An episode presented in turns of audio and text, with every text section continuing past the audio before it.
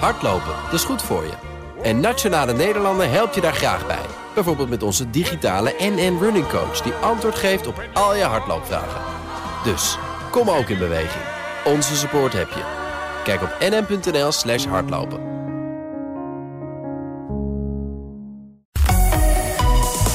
BNR Nieuwsradio. The Big Five. Art Rojakkers. Goedemorgen, fijn dat je luistert naar BNR's Big Five. De consument kiest vaker voor on-demand. Jongeren stemmen liever af op hun favoriete YouTube-kanaal. En grote social media bedrijven kapen adverteerders weg. Ook al is er op dit moment sprake van een corona-opleving... de traditionele televisie staat onder druk.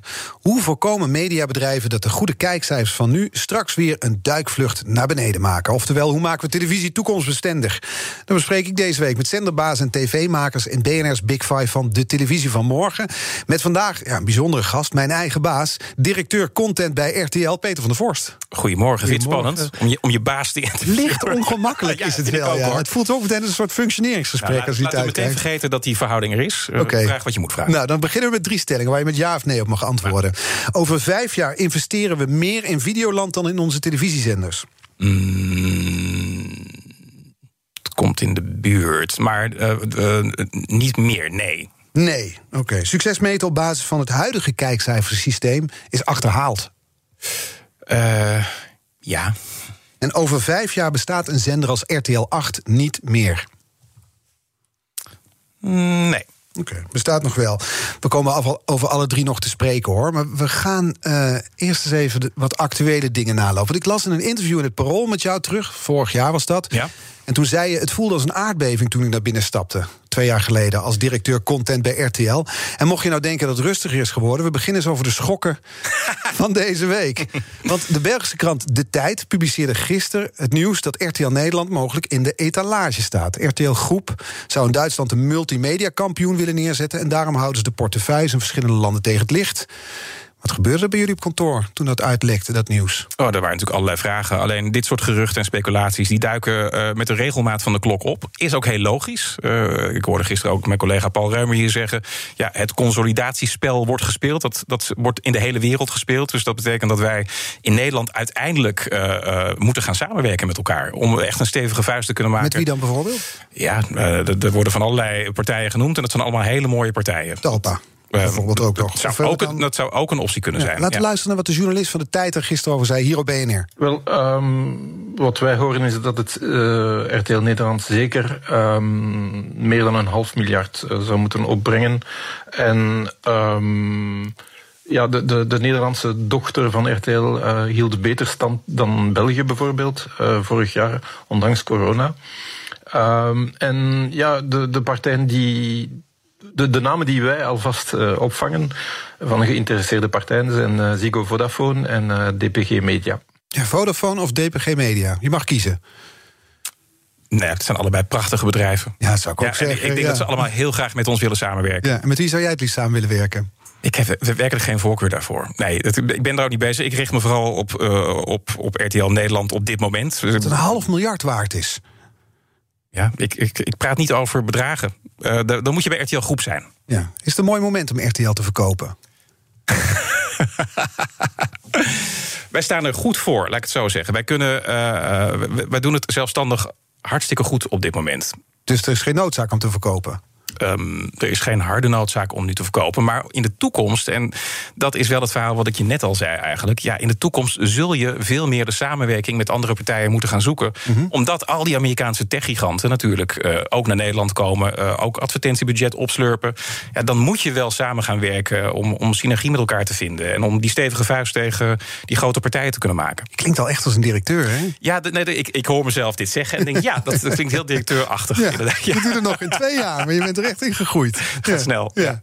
Volgende schok dan maar, van een hele andere orde. Maar toch, welkom in de wereld van het Drosten-effect, zou ik zeggen. Want we gaan het in mijn programma op BNR hebben over mijn programma op RTL. Gisteravond de uitzending van Rooijakkers over de vloer. Daar zat eigenlijk Bilal Wahib in. Ja. Maar die is uh, nou ja, geschrapt nadat hij in opspraak was, opspraak was geraakt.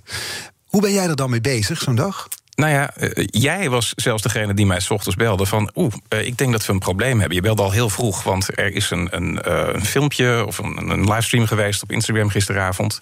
dus ik ben toen gaan kijken. en er kwam steeds meer nieuws naar buiten... dat ook de zedenpolitie erbij betrokken was. En toen hebben we eigenlijk in de ochtend wel snel besloten van... ja, deze aflevering moeten we nu echt niet uitzenden met Bilal. Het gaat ook niet over dit onderwerp, dus dat is al lastig. Je zit met hele andere ogen te kijken... Um, dit, uh, dit willen we nu niet uitzenden. En gelukkig lag er een andere aflevering klaar met Stefano Keizers. En ja. uh, die, uh, die zat, was gisteren op zender. Ja, die was dan te ja. zien. Terug te kijken, mensen. De moeite waard, zou ik zeggen. Maar het is natuurlijk dan in één keer een rare afweging... die gemaakt moet worden. En die komt dan uiteindelijk bij jou op het bord te liggen. Ja, uiteindelijk alle lastige beslissingen qua content... die komen bij mij terecht. Is dat leuk? Uh, het is heel uitdagend. Uh, ja, ik vind het ook wel leuk. Het maakt iedere dag weer heel erg anders. Ja, want zo'n lastige afweging was er dan ook bijvoorbeeld... we gaan de volgende schok weer uh, tegemoet. Martijn Koning, die moeten we ook nog even bespreken... zat bij ja. Jinek. Thierry Baudet zat daar aan tafel. Hij sprak een column uit. Veel gedoe erover. Thierry Baudet stapte op. RTL en Eva distancieerden zich van Martijn Koning. Um, nu is er weer een reactie vanuit hun hoek. Zij zeggen, ja, koning, ik, ik ben voor de bus gegooid... zegt hij in zijn eigen podcast... samen met Sander van op Zeeland en Raoul Heertje. Snap je die kritiek? Mm, nee. Uh, kijk, hoe het gegaan is... Uh, Martijn Koning is gevraagd om een humoristisch-kritische beschouwing te houden... over uh, de verkiezingen en, en de lijsttrekkers. Um, vooraf is hem een paar keer gevraagd... Goh, Martijn, kan je een beetje grote lijnen aangeven... waar, waar je het over gaat hebben? Dat is overigens helemaal geen gekke vraag. Hè. Als een, uh, een column in een krant wordt afgedrukt... dan is die column ook door een hoofdredacteur gelezen... of door een redacteur. Is er soms ook discussie over geweest aan de voorkant. Uh, maar Martijn heeft gezegd... nee, nee, nee, het, joh, er staat niks geks in. Ik ga geen harde dingen zeggen. maak je geen zorgen. Dat heeft hij tot een paar keer toe gedaan. Ik heb ook de, de appjes gezien waarin hij dat zegt. en ja, vervolgens gebeurde er dit.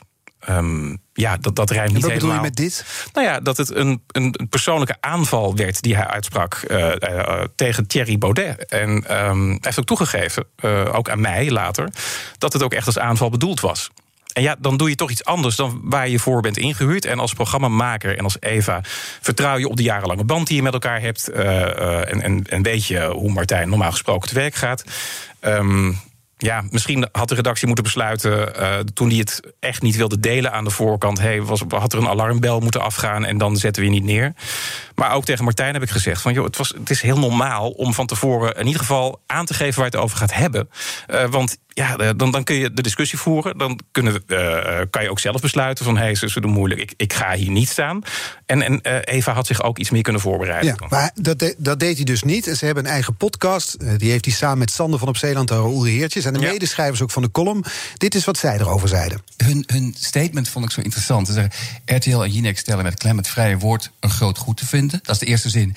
Maar dan weet je al, oh mijn god. Ja, met alle respect voor Martijn Koning. Dat, dat, is met alle maar... respect, dat is het met alle respectje. Desondanks is uh, hier een grens overschreden en distancieren wij ons volledig van de inhoud. Ja. Bla bla bla. En zij heeft excuses aangeboden aan Baudet. En ze wil nu dat iedereen die daar komt, alle uit, uit, uit de, de, de moppetrommel van cabaretiers die er kennelijk in Nederland is. De cabaretier van de week. Die moet dus door, door de redactie van uh, Jinek moet dat, moet dat eventueel herschreven kunnen worden.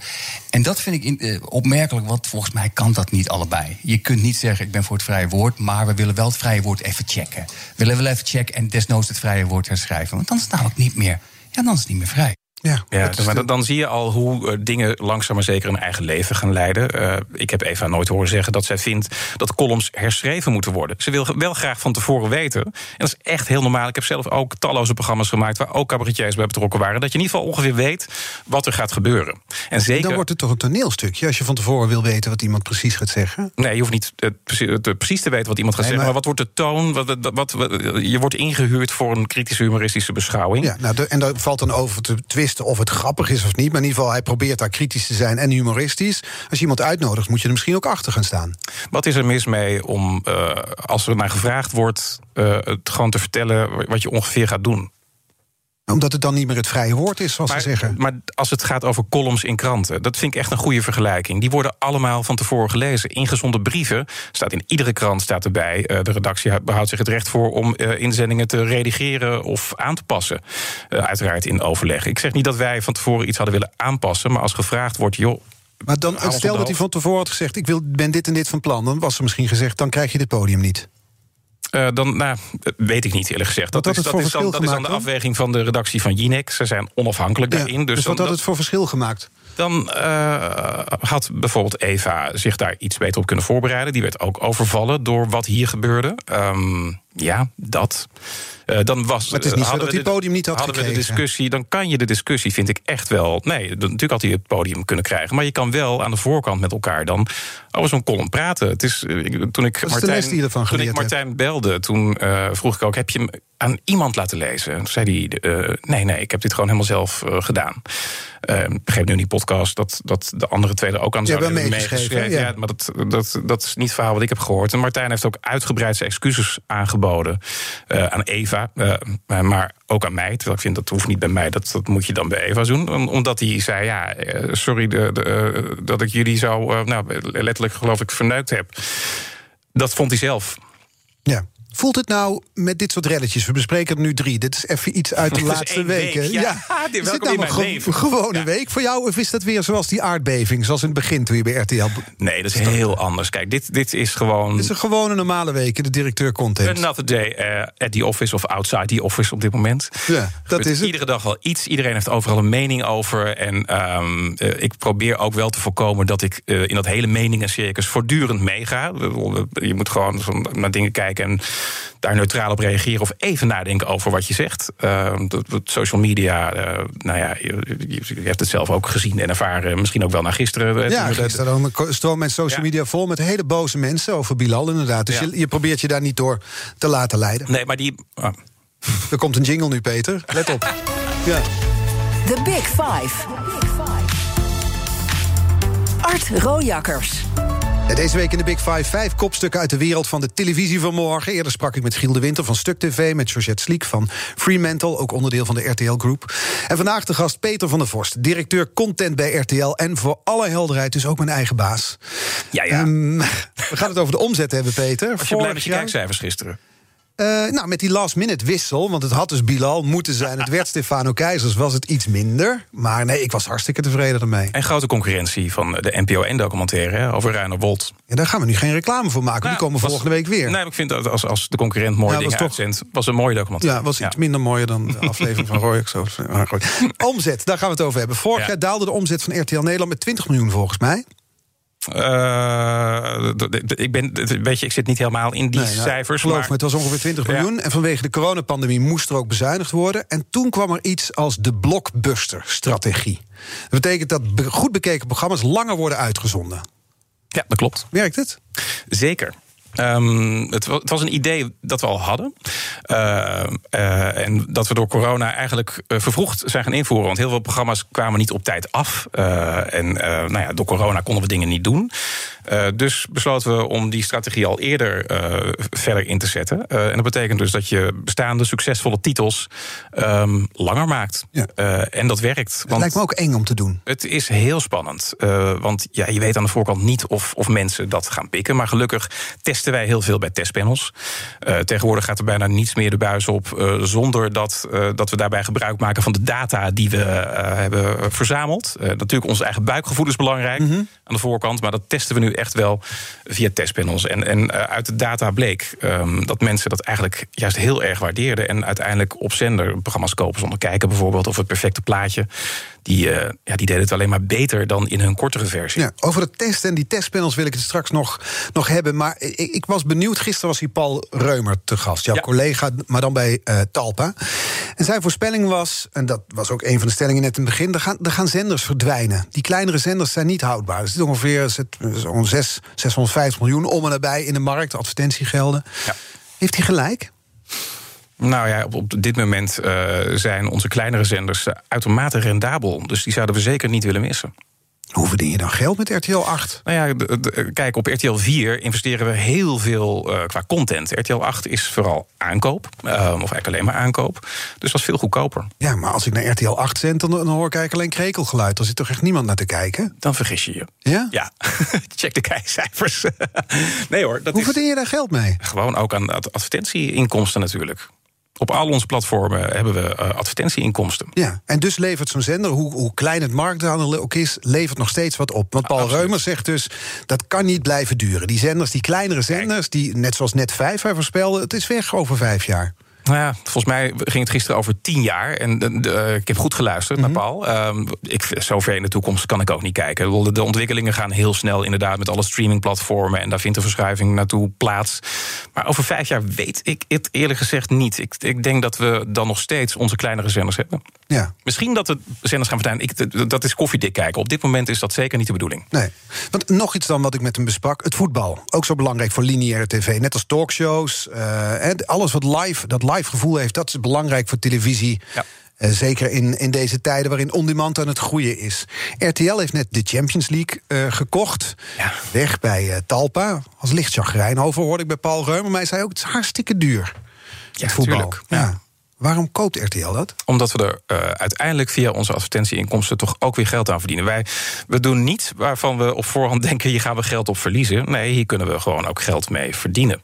Het is terug te verdienen, want er waren Zeker. allerlei restricties bij Champions League, zei Paul Reumer. Er, is, er, er zit van alles omheen. Absoluut. En wij we hebben daar een, een hele business case aan de voorkant natuurlijk uh, voor opgebouwd. Oké, okay, uh, hoe zijn de scenario's? En um, vol overtuiging uh, hebben we toen ons bod gedaan. Ja, dus dat is dan een manier, dat voetbal, die blockbuster-strategie, dat zijn echt tactieke manieren om om te gaan met hoe lineaire tv onder druk nou, staat. En, en nieuws en actualiteit. Hè. We hebben, uh, ons marktaandeel is het afgelopen jaar gigantisch gegroeid. Daar zijn we heel trots op. En het is voor een groot deel te danken. Uh, naast de blockbuster-strategie en onze gelukkige keuzes op entertainmentgebied, is het ook te danken uh, aan ons RTL Nieuws. Uh, maar ook RTL Boulevard en onze Late Night Show. Twee derde van onze uh, avondprogrammering tussen 6 en 12 is live, is informatie, is nieuws. En, en, dat is wat op dit moment lineaire televisie heel sterk maakt. Ja. Dus, en het is bij RTL dan Editie NL, RTL Boulevard, de late night talkshows. Ja. Dat is eigenlijk dus waarom mensen lineaire tv op dat moment willen zien. Zeker, maar het geldt ook uh, voor programma's als The Masked Singer. Dat wil je op dat moment echt wel zien. Je wil, uh, als je al weet wie er onder dat masker zit, ja, dan ga je niet kijken. Nee. Dus nee, vandaar dat dat soort programma's waar je gewoon echt benieuwd bent naar de uitslag, uh, ja, die wil je met z'n allen kijken. Daar wil je met elkaar ook over communiceren op social media.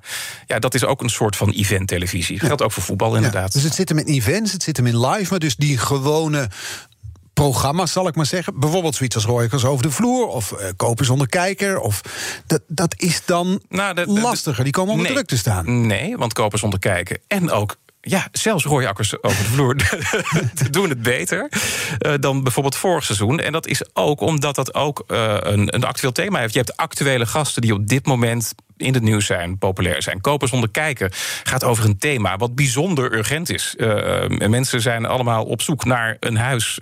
Prijzen schieten de pan uit. Nee, dat snap ik, maar je hoeft het niet op dat moment te zien. Nee, en dan hebben we gelukkig ook nog Videoland. Uh, we zien overigens wel afgelopen jaar dat mensen dan massaal door corona natuurlijk ook voor de buis zitten. Uh, maar het uitgesteld kijken heeft ook een enorme vlucht genomen. Dus mensen kijken soms een uur later of de volgende dag. dat kan gewoon via je, je Ziggo of KPN-box, maar ook via Videoland. Dus dat is, dat is enorm toegenomen. We hebben een kettingvraag hier in dit programma. Gisteren dus Paul Reumer en die had deze wonderlijke kettingvraag voor jou. Ja. Welk muziekstation heeft nou jouw voorkeur, maar vooral ook waarom? Ja, welk muziekstation heeft jouw voorkeur en waarom? Ja, dat vind ik dus best een lastige vraag. Ik ben een fervente nieuwsjunk. Dus ik luister veel naar jullie. Ik luister uh, naar Radio 1. Dat staat eigenlijk, als ik in de auto zit, staan die zenders vooral aan. En als ik uh, thuis ben, dan luister ik wel muziek. Maar dan is het toch meestal via Spotify of zo, moet ik eerlijk ja, zeggen. Maar ja. ik, ik, wil wel de hoogte blijven, ook van alle ochtends. Ik, ik zap echt langs alles. Ik denk dat hij het vraagt, misschien ook een beetje als een steek onder water... omdat RTL niets met radio doet.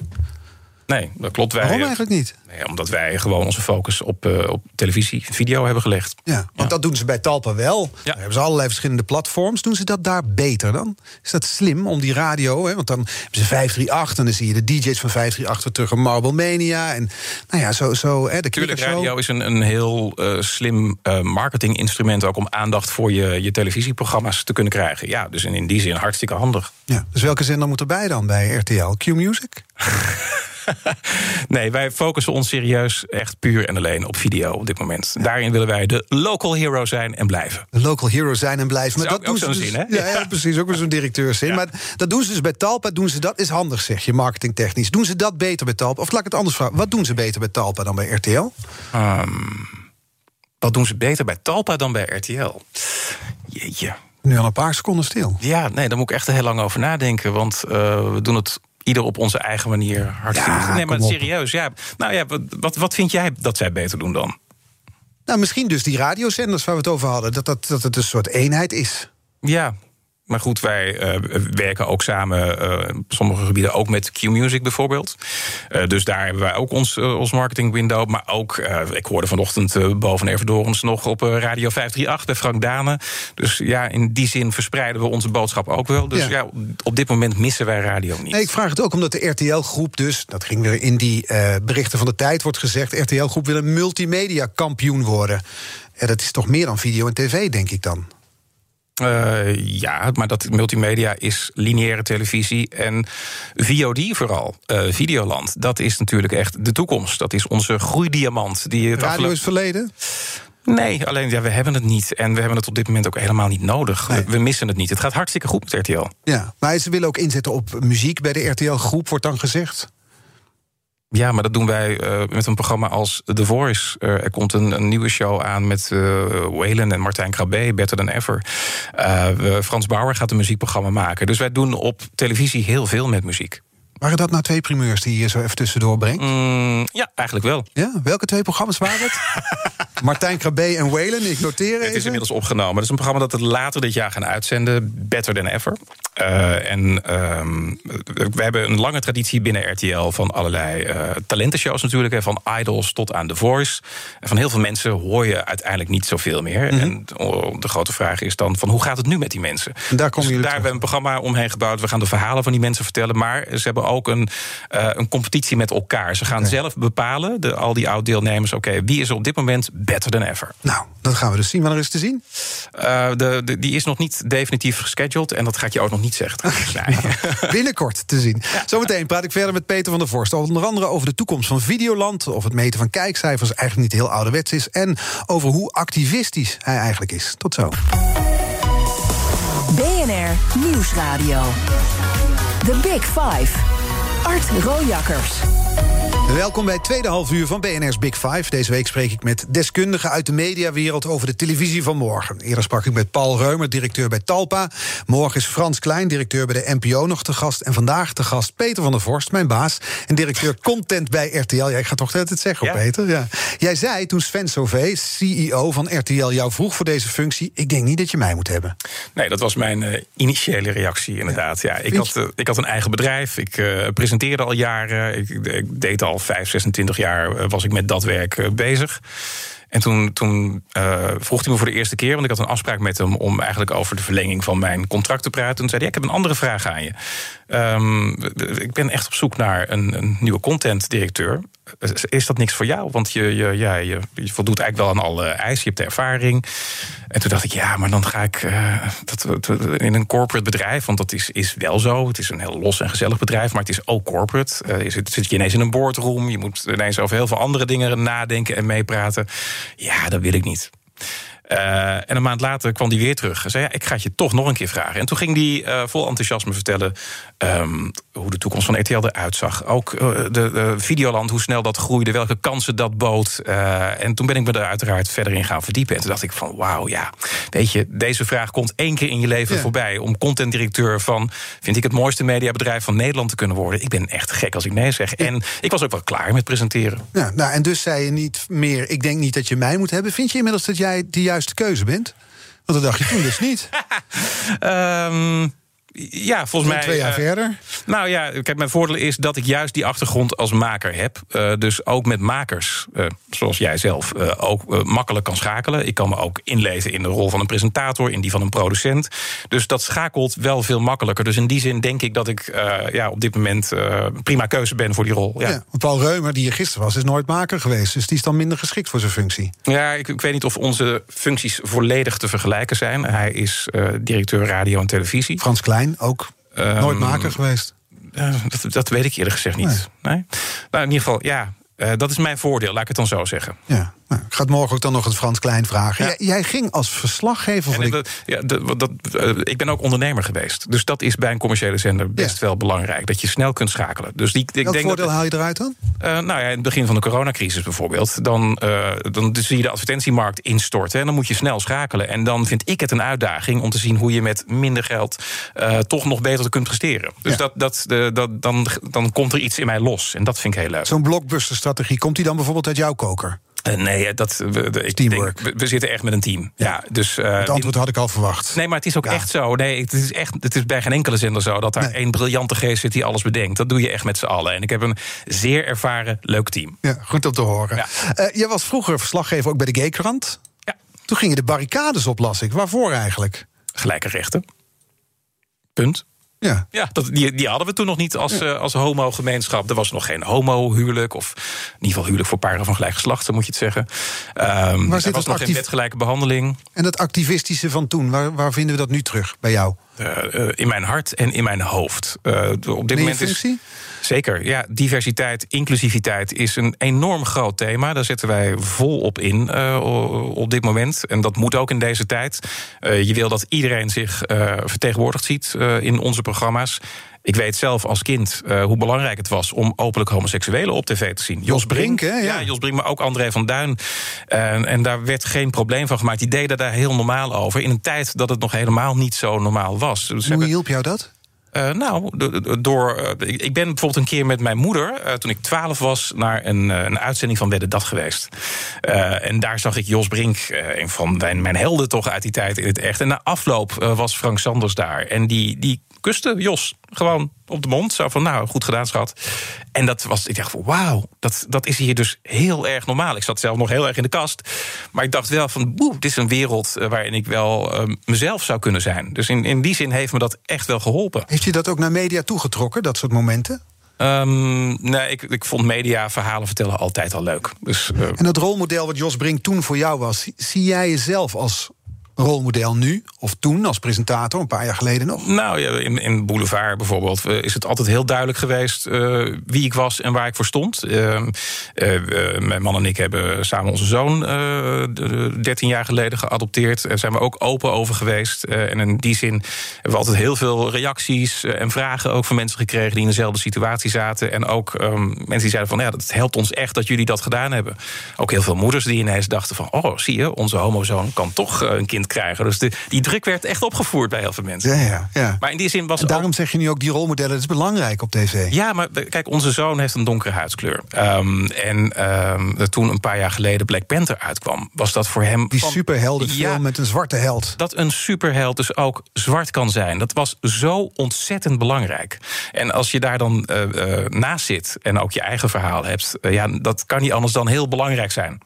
Dus nee, we zijn daar heel erg mee bezig. En we, we hebben rond de tafel discussies gehad met makers van verschillende culturele achtergronden. We hebben heel veel ja, nieuwe inzichten gekregen, onze blinde vlekken gezien. Er zijn nog heel veel stappen te zetten.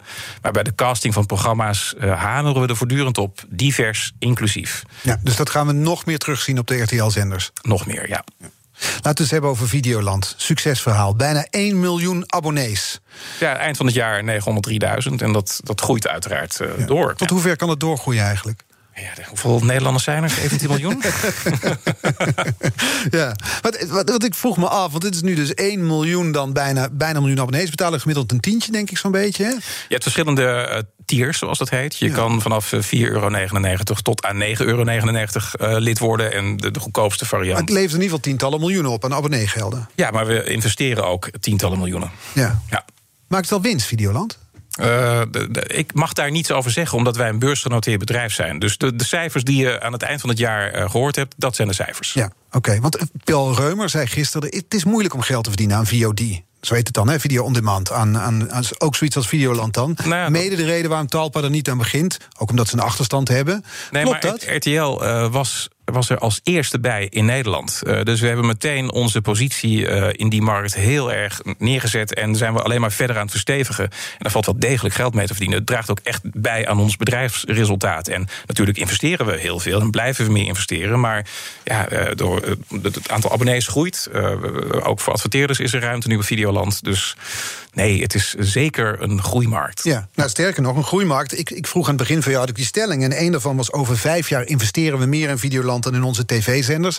Toen twijfelde je lang en toen zei uiteindelijk toch. Mm, nou ja, nee. als je het over onze tv-zenders hebt, dan heb je het over RTL 4, 5, 7, 8, uh, Crime Lounge, alles bij elkaar. Mhm. Maar de investeringen die wij nu doen op Videoland, die komen heel erg in de buurt van wat we nu investeren voor RTL 4 bijvoorbeeld.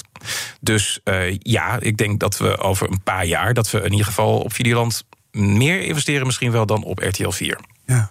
En daar worden ook speciale programma's gemaakt voor Videoland, nu al? Videoland Originals, ja. ja dat is heel belangrijk. Lokale, originele content. Dat is waar wij uh, de, uh, ons in onderscheiden van de grote internationale spelers. En daardoor zijn we ook nu de nummer twee in Nederland. Ja, maar, en, maar dan vraag ik me af, als directeur content... komt er iemand met een plan bij jou, of er ontstaat een plan... en dan zegt er iemand, nou, dit, dit moet op RTL 4. En dan denk jij, nee, deze gaat naar Videoland. Of andersom, hoe bepaal je dat? Wanneer is wat waarvoor geschikt? Nou ja, dat hebben wij ook moeten leren de afgelopen jaren. Hè, van uh, wat werkt wel en wat werkt niet uh, op, op Videoland... en wat werkt er niet meer op lineaire zenders. Wat je ziet is dat drama uh, eigenlijk bij ons van de lineaire zenders... Uh, zo goed als verdwenen is. Ja, aankoop nog wel op RTL 7 en RTL 8... maar origineel Nederlands drama, dat vind je echt terug op Videoland. Het wordt daar massaal bekeken. Um, documentaires um, zijn prachtige documentaires op Videoland. Veerkracht over corona bijvoorbeeld. Of net een driedelige serie over Ronald Koeman bij FC Barcelona heel erg op de huid. Ook fantastisch. Uh, doet het daar ook hartstikke goed. Onze reality dating programma's, die normaal gesproken op RTL 5 een uh, prominente plek hadden, die zijn nu vrijwel allemaal verplaatst naar Videoland. En, en daar bereiken we echt een hele grote jonge doelgroep mee. Er zijn echt genres inmiddels waarvan je kan zeggen dat werkt beter op zo'n platform dan op lineaire tv. Ja, zeker. En dan hebben we het dus over drama, inderdaad. We hebben het over documentaires. En, en uh, reality-programma's. Ja. ja, ja. En, maar is dat dan uiteindelijk dus de weg voor nou, een zendergroep als RTL, dat Videoland uiteindelijk die lineaire tv steeds meer in een hoek zal drukken? Nou, in een hoek niet. Het, het is uh, complementair aan elkaar. ja, ja, uit het management woordenboek schrijf ik op. Complementair, ja. Nee, kijk, op, het is wel zo. Inmiddels kun je ook op Videoland uh, live tv kijken. Kun je ook uh, alles wat er op onze grote RTL-zenders te zien is... kun je live ook op Videoland kijken. Dus voor een deel zal VOD die functie van lineair overnemen. Maar ja. de, de lineair ja, daar, uh, voor adverteerders heel belangrijk om dat massabereik te hebben. Dus in die zin zal het blijven bestaan. Uh, nieuws en actualiteiten, uh, dat werkt vooralsnog echt veel beter op, op lineaire zenders. grote events die je met z'n allen tegelijk wil kijken. Nou ja, het, eigenlijk de genres die ik er straks noemde, die zullen echt nog heel sterk blijven en misschien wel sterker worden de komende ja. tijd. En is het dan zo, maar dit is even een persoonlijke dingen, Peter, dat sommige programma's staan al eerder op Videoland en dat ze op RTL te zien zijn? Dat is een van de grote voordelen van Videoland. Als je een abonnement neemt op Videoland, dan kun je ook heel veel programma's in de preview kijken. Zoals Goede Tijden, Slechte Tijden. Ja, wordt of rooijakkers over de vloer. Maar ja. jij appt mij ochtends niet over de kijkcijfers op Videoland... maar wel op die op RTL 4. En dan denk ik, ja, maar ik ben een kijkers kwijtgeraakt aan Videoland. Mm, ja, dat is een angst die heel veel makers hebben. En ik begrijp dat ook wel. Jullie moeten ook uh, een beetje wennen natuurlijk aan, aan de oh, nieuwe wereld. ja, ja, ja, wij moeten nog mee. Maar sowieso die kijkcijfers van de volgende dag... Uh, die SKO publiceert, dat zijn de dagkoersen natuurlijk. Um, maar uh, uitgesteld kijken, dat wordt eigenlijk niet echt gecommuniceerd. Nee, een week uh, later worden die cijfers de, de 7 plus gemaakt, cijfers. Ja, ja. Wij pleiten er inmiddels ook voor samen met andere mediapartijen van jongens, misschien moeten we daar eens dingen in gaan veranderen, want uh, het is geen realistisch beeld meer. Ik neem een programma als De Verraders. Hè, dat is, we hebben overigens net aangekondigd dat we een tweede seizoen daarvan gaan bestellen. De afspraak was dat je dat hier zou doen, dat wij die primeur zouden hebben. Ja, ik zag hem net als pushbericht voorbij komen. Zeg, maar, ja, nou. ja, maar je was gewoon te laat. Ja, te laat, we zijn hier al vanaf tien uur in gesprek. Wat is dat nou? Maar, de Verraders een tweede seizoen. Ja, Gefeliciteerd. Nee, maar dat, dat is een perfect voorbeeld van wat uitgesteld kijken doet. Uh, de, avond zelf doet hij het al fantastisch hoor. Daar hebben we anderhalf miljoen kijkers vanaf aflevering 1. Maar uitgesteld na twee dagen zijn daar zes, soms 700.000 kijkers bijgekomen. Dus dan heb je 2,2 miljoen kijkers voor de eerste aflevering en een marktaandeel van 42 procent. Dat is echt gigantisch. En dat zijn de realistische cijfers. Dus wij willen, uh, eigenlijk willen we die cijfers veel meer gaan communiceren. Laten we het er zo over hebben, over die kijkcijfers. Want daar wil ik nog wel even induiken met je. Dankjewel. BNR Nieuwsradio. The Big Five. Art Rojakkers.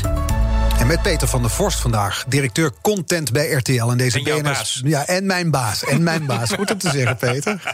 We hebben het over de televisie van morgen.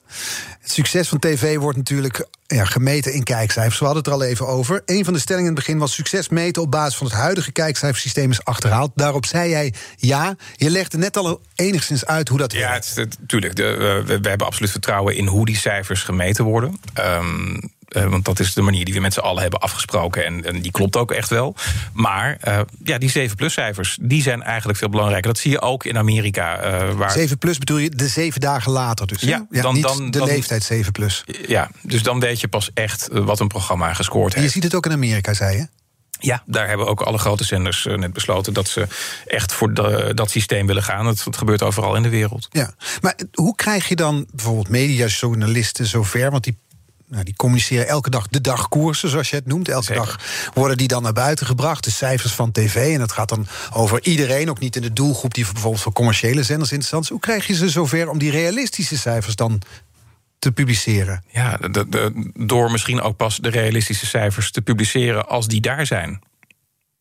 We hoeven niet eh, de, de dagkoersen te publiceren. hè. Daar zijn we zelf mede verantwoordelijk voor. Dat is een afspraak die alle mediapartijen eh, ooit met elkaar gemaakt hebben. Maar ja, eh, misschien is de tijd daar wel dat we die pas een week later naar buiten moeten brengen. Want dan heb je meteen het realistische plaatje. Ja, want het, het voelt ergens wat gek dat dus in een, in, een, in, een, in een markt waar 600 miljoen meer dan 600 miljoen advertentiegeld, 650 miljoen. Ja, 650. Eh, omgaat, dat dat inderdaad om half acht dan 's ochtends... dat is eigenlijk het moment dat voor iedereen heel spannend is. Want dan worden die kijkcijfers bekendgemaakt. Ja. Terwijl eigenlijk zeg je dus, dat is maar een klein deel van de taart. Wat je Ja, het is natuurlijk ook een belangrijk deel. Maar nou ja, het voorbeeld van de verraders wat ik noemde. eh, eh, er komt een derde aan kijkers bij. Met uitgesteld kijken alleen al. En daarnaast, eh, dat- en in dat uitgesteld kijken zitten niet eens de Videolandcijfers. Dat komt er ook nog eens bij. Dus dan heb je het echt over een gigantisch bereik. En dan is dat cijfer van anderhalf miljoen is al fantastisch hoor. Zijn we natuurlijk heel trots op als dat naar buiten komt. Maar ja, het Het is, niet echte veel meer, bedoel je? Ja. ja. Want dat wordt dan teruggekeken... en die cijfers van Videoland worden nooit bekendgemaakt. Nee, dat doet Netflix ook niet hè. Nee. Hoe groot is de afstand eigenlijk tussen Netflix en Videoland in Nederland? Nou ja, natuurlijk, Netflix was de eerste en eh, is de grootste. Eh, maar wij, eh, wij zeggen steeds, eh, wij, wij knabbelen aan de enkels van Netflix. dus wij zijn wel de, de, de nummer één local VOD-player. En dat is een hele stevige positie. Ja, Maar dat vergelijk je dan weer met de nummer twee. Of de nummer drie bedoel ik, zeg maar, onder, onder Videoland. Zeker, maar ook met de nummer één. Ja. Die, dat, de verraders het over had. Ja. Ehm, wat interessant daarin is, is dat dat programma niet zomaar op tv is gekomen. Gisteren had ik met Paul Reumer over hoe komen programma's nou eigenlijk op zender. Mhm. Dat wordt voor een groot deel gebeurt dat eigenlijk op buikgevoel, omschreef hij. Op instinct, op eh, kennis die je hebt, op talent. Ja. Dit programma is te uit en te na getest. Ja, nou, het is eh, leuk om dat traject even te beschrijven. Eh, het idee eh, is ontwikkeld door Mark Pos, dus een, een bekende producent en regisseur, eh, en IDTV. Die zijn gezamenlijk naar ons toegekomen. En wij dachten wel, ja, hier zit wel iets in. Ehm, toen is onze creative unit, Ralf de Beurs, Paul Kormond, die zijn aangeschoven. En gezamenlijk is dat programma tot datgene ontwikkeld wat het nu is. Ehm, eh, dus toen is het aan mij gepitcht. Eh, nog een paar dingen aangepast, maar eh, dat, er stond al een heel stevig programma. Dus ik was meteen enthousiast, maar ik dacht, ja, ik, ik moet ook de rest van mijn team nu gaan overtuigen. Want het, hè, dat, dat, ik ga, het is echt niet zoals ik in mijn eentje iets vind dat we het dan gaan doen. Dus toen hebben we het in mijn achtertuin, zijn we dat spel gaan spelen. En iedereen voelde meteen, oh wauw, dit is spannend. En er komen zoveel eh, dynamieken los. Dus ehm, dat hebben we gedaan. En vervolgens eh, was er ook nog een, eh, een testtape gemaakt door IDTV. Dat is eh, ook getest bij een panel van gewoon eh, mensen die daar gekeken hebben. Die waren enthousiast. Toen is de eerste aflevering... Kijkerspanel hebben we het dan over. Kijkerspanel, ja. Toen is de eerste aflevering gemonteerd. eh, en ook die hebben we laten testen. En hier en daar ook nog een beetje kunnen tweaken. Want het is, het En wat is leer je dan van zo'n kijkerspanel? Wat zeggen ze dan bijvoorbeeld over zo'n eerste aflevering? nou, ze waren allemaal wild enthousiast, dus dat was fijn. Ja, daar leer je maar, niks van, ja. Nee, dat sommige dingen nog wat beter moesten worden uitgelegd. Het is, het is ja, best een ingewikkeld programma om het uit te leggen, totdat je het ziet. Ehm, maar eh, dus je moet af en toe wat dingen herhalen om kijkers die wat later instromen, even uit te leggen van oké, dit is waar we staan in het programma en dit zijn de spelregels. Dus dit is eh, de manier waarop programma's voortaan op zender gaan komen... of op Videoland, eerst uitgebreid testen? Bij voorkeur wel, ja. ja. Kan het bij alle programma's eigenlijk? Mm, ja, weet je, ja, eh, eigenlijk kan dat wel. Je kan van ieder programma een pilot of een proefaflevering maken. Ja, en dan dat dus weer voorleggen aan de kijkerspanel. Zeker, en dan ook nog kunnen besluiten om het dus niet te gaan doen. We hebben het afgelopen jaar ook een paar keer gedaan. Oh ja? Ja. Bij wat voor soort programma's hebben we het dan Dat over? ga ik je niet zeggen, want dat is nee, niet- maar ik, misschien, je hoeft geen titels te noemen, maar misschien wel genres of ideeën. We hebben eh, bijvoorbeeld een, eh, een pilot van een, een quiz gedaan vorig jaar. eh, En dan wordt het voorgelegd aan de kijkerspanel, Ja. zo'n quiz. En dan zeggen zij, we snappen er niks van bijvoorbeeld. Of wat gebeurt er dan? Ja, of, of het, ja, het werkt gewoon niet. Dan worden ze er niet enthousiast van. Of, en wij zelf ook niet. Hè. Het is niet alleen dat we worden niet ge- geregeerd door het kijkerspanel. We zijn zelf ook. we hebben gezond verstand. Eh, maar het, bevestigt ons heel vaak in wat we zelf al voelen. En soms wijkt het ook wel, wel af. Ja. Ja, ik zit te denken of, die kijk, of zo'n kijkerspanel dan inderdaad... Of ze, ehm, wat dat dan oplevert. Het, blijft nog niet, het is niet heel tastbaar zoals je het beschrijft. Ik, ik nou, probeer nog het- een beeld te krijgen van wat, wat je ervan nou, leert. het is, eh, nou, laten we de, de verraders als, als, als case nemen dan. Begrijp je het programma? Vind je het programma spannend genoeg? Eh, hoe, eh, hoe kijk je... ook presentatoren leggen we op die manier Oh voor. Ook jij Oh bent ooit bij een panel geweest. Echt waar? Ja, we, we testen ieder onderdeel van een programma. Wat vind je van de presentator? Vind je de cast die we gekozen hebben? Vind je dat er goed? nooit iets van gehoord, snap je wel, wat snap je niet? Ja, maar ja, dan hoor je het nu. Is dat een slecht teken of niet? Nee, ja, je bent er toch nog? Ja, oh ja. Het zit hem in het woordje nog, volgens mij. De vraag is of dat na dit uur ook nog zo is. Ja. We gaan eh, naar de kettingvraagstoel eh, toe. Die mag je stellen aan Frans Klein, directeur bij de NPO. Hoe vaak spreek je hem eigenlijk voordat je je kettingvraag stelt? Mm, nou, niet super vaak. We we komen elkaar af en toe tegen. En eh, nou ja, bijvoorbeeld vorig jaar hebben we contact gehad over het Eurovisie Songfestival. Eh, omdat Frans belde van ja, we, wilden, we zouden heel graag Chantal eh, daar willen neerzetten. Hoe staan jullie daar tegenover? Dus dat, nou, met, met liefde natuurlijk Chantal uitgeleend aan de NPO. Dat is een enorme eer. En af en toe. Voor de NPO of voor Chantal?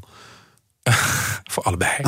Eh, er zijn ook wel samenwerkingen als het gaat om ook diversiteit. Eh, de, de coalitie beeldvorming, daar zit de NPO in, daar zitten wij in, producenten. Ehm, dus in die zin spreken we elkaar af en toe. Of ook over coronamaatregelen. Oké, Frans, hoe gaan jullie daarmee om? Hoe doen wij dat? Dat- Dus dat doen we. Maar de vraag die ik aan Frans heb is: Frans. ehm, eh, Wordt het niet eens tijd dat wij gezamenlijk drama gaan ontwikkelen en produceren? Drama dat bijvoorbeeld eerst eh, eh, lineair bij de NPO te zien is... en vervolgens eh, op Videoland of tegelijkertijd op Videoland en NPO+. Want we moeten eh, samenwerking... Het kan niet anders. Eh, door al die grote Amerikaanse giganten die komen, eh, die echt, eh, echt vele tonnen soms meer hebben voor, voor dramaproducties, ja, moeten we een vuist gaan maken met elkaar. Ja. Dus het antwoord van jou zou zijn: ja, dat is hoog tijd. Wij staan daar zeker voor open. Ja. Dat was weer zo'n managementantwoord. Hè? We staan er zeker voor open. Het is hoog tijd, laat ik het dan zo zeggen. Wat is eigenlijk ehm, jouw doel waar je de komende. Je zit er nu twee jaar. Wa- Waar wil je over twee jaar staan met de, de zendergroep? Waar wil je naartoe werken? Nou, ja, de, eh, dat we nog meer marktaandeel eh, hebben als zendergroep. Het is, eh, ik ben echt heel trots hoe we met z'n allen... dat marktaandeel het afgelopen jaar is echt flink gestegen. Ik zag net de, de year-to-date cijfers, heet het dan. Als je, waar we nu staan, vergelijk, vergelijk met de periode vorig jaar... dan staan we plus 12% als zendergroep. Dat is echt heel goed. Dus we hadden er nu... Is dat puur door corona? Mm, Nee, dat is ook de blockbusterstrategie en gelukkige keuzes die we hebben gemaakt. Eh, en nieuws en actualiteiten, inderdaad. Dus dat vormt het succes. Ook Big Brother, RTL 5, eh, betekent veel voor het marktaandeel. Dus over twee jaar weer 12% erbij. Eh, nou, ik, zou het, ik heb het wel eens voor de grap gezegd tegen Sven eh, eh, vorig jaar. Van, ja, waar we- wat is ons doel voor de toekomst? Ik, nou, wil 35% marktaandeel als eh, zendergroep. En toen moesten we allemaal keihard lachen. want dat over vijf jaar.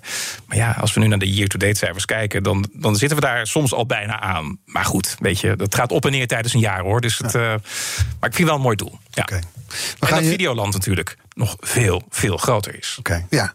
En eh, dat iedereen rooier over de vloer blijft kijken. Dat ook natuurlijk. Naar Die moest al ik nog onze even programma's. zeggen. Ja, maar oh, naar mag. al onze Ja, programma's. Ja. uiteraard. Dank voor je komst. Peter van der Vorst, directeur content bij RTL. En Viel mijn mee, hè? baas. Viel mee. Ik vond het minder ongemakkelijk dan ik vooraf gedacht had. Ja, dat, dat gesprek komt nu. nou, we gaan dan eerst naar het nieuws. Luisteraars hoeven dan niet mee te luisteren. Dank voor het luisteren. Deze aflevering is terug te luisteren. De podcast is te vinden in de BNR-app en op bnr.nl. Nu hier Ivan Verrips met BNR Breekt. Tot morgen. Business Booster. Hey KPN heeft nu Business Boosters. Deals die jouw bedrijf echt vooruit helpen. Zoals nu, zakelijk tv en internet, inclusief narrowcasting... de eerste 9 maanden voor maar 30 euro per maand. Beleef het EK samen met je klanten in de hoogste kwaliteit. Kijk op kpn.com businessbooster. Business Booster.